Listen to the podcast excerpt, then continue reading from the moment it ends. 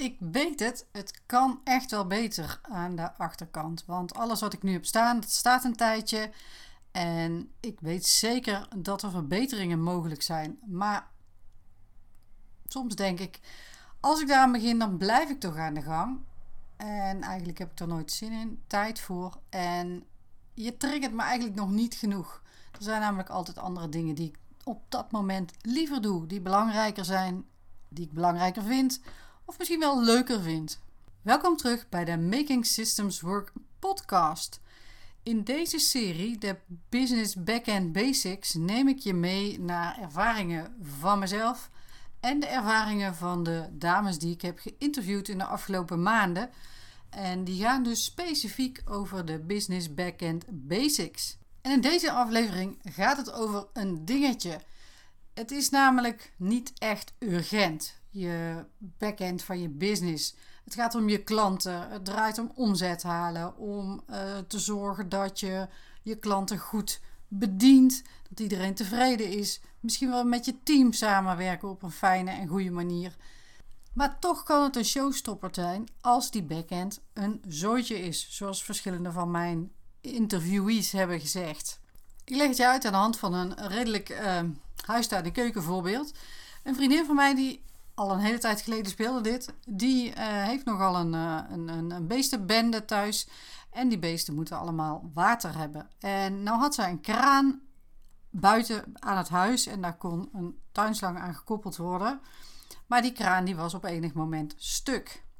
Toen heeft ze dus nou, drie kwart jaar tot misschien wel een jaar elke dag binnen emmers gevuld met water en die vervolgens naar buiten gesleept naar de drinkbakken van al die verschillende dieren.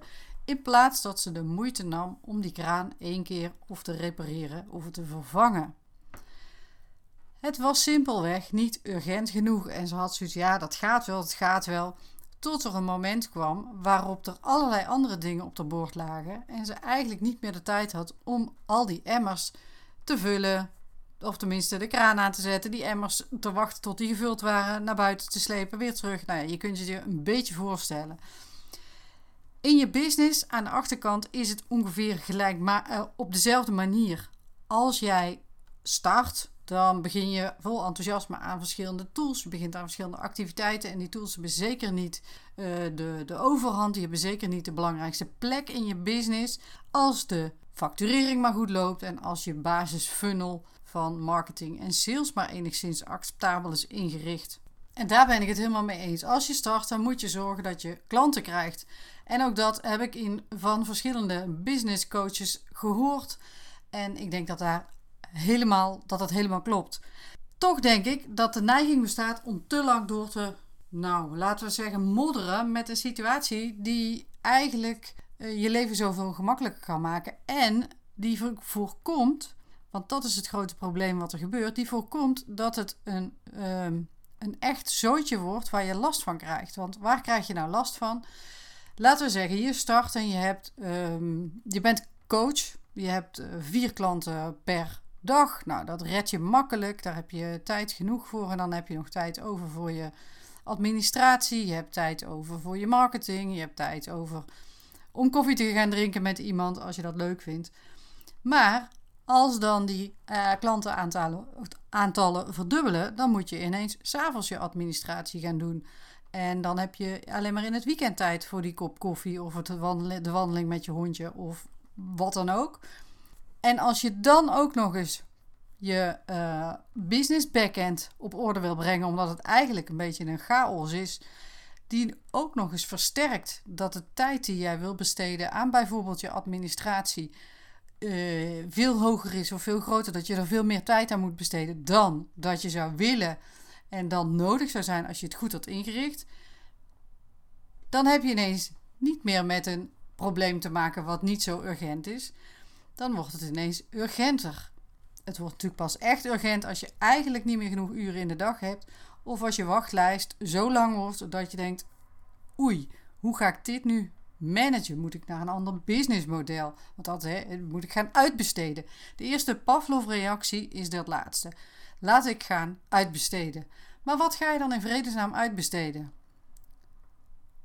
als het een zootje is, dan valt er niet veel uit te besteden. Want dan moet je heel veel tijd besteden aan het overdragen van jouw kennis over hoe je dat zootje hebt ingericht en opgebouwd. En aan de andere kant zijn er maar weinig mensen die daarmee aan de slag kunnen en die het ook nog leuk vinden om in een zootje hun eigen weg te vinden zonder dat ze daar heel veel ehm, input bij krijgen. Dus het betekent per definitie, als je dat dan al wil doen, dat iemand jou gaat vragen om te helpen, om te structureren, om uit te zoeken hoe het nou slimmer kan, sneller kan en handiger kan. En dan hoef je het dus weliswaar niet helemaal zelf te doen, of in ieder geval helemaal in je uppie voor elkaar te krijgen. Maar je moet je tijd aan iemand anders besteden die je veel meer dingen moet uitleggen dan wanneer je het zelf zou doen. En die veel meer tijd vraagt dan wanneer je het één fase eerder had gedaan. Dus als je nou zo'n, laten we zeggen, onderbuikgevoel hebt en je denkt, hmm, misschien zijn de dingen toch niet helemaal zo uh, optimaal geregeld, ingericht, niet de beste systemen, um, niet de beste software eigenlijk voor de fase waarin ik zit met mijn bedrijf, dan zou ik je adviseren om daar toch eens serieus mee aan de slag te gaan. En stel het niet uit. Um, het kan je alleen maar een hoop gedoe en nou, ellende is wel een heel groot woord. Hè? Een hoop gedoe, laten we het daarop houden. Een hoop gedoe opleveren die je eigenlijk redelijk eenvoudig kan voorkomen als je op tijd begint. En hoe mooi zou het zijn als je in 2022, de tweede helft daarvan, want uh, de tijd dat deze podcast live komt, is het bijna 1 juli. En uh, is, 22, is 2022 dus alweer half verstreken. In 8 tot 12 weken kun je dat helemaal fixen. Dus um, mocht je nou denken, hey, dat is interessant, neem dan gewoon eventjes contact op. En dan kunnen we heel snel schakelen en kan jij uh, eventueel heel snel aan de slag om de backend van je business een stabielere basis te geven. Waarmee je relaxed kan groeien. En dat is ook precies wat ik in mijn 1 op 1 traject Relaxed Groeien doe. Is met ondernemers aan de slag om te zorgen dat er een fundament ligt. Zodat jij relaxed kan groeien. Dat je niet meer de hele dag brandjes aan het blussen bent. Op zoek naar van alles en nog wat. Uh, dat je het gevoel hebt dat je niet kunt uitbesteden. Of dat uitbesteden je alleen maar meer tijd en energie kost. Dan dat het je oplevert. En ook nog eens bakken met geld.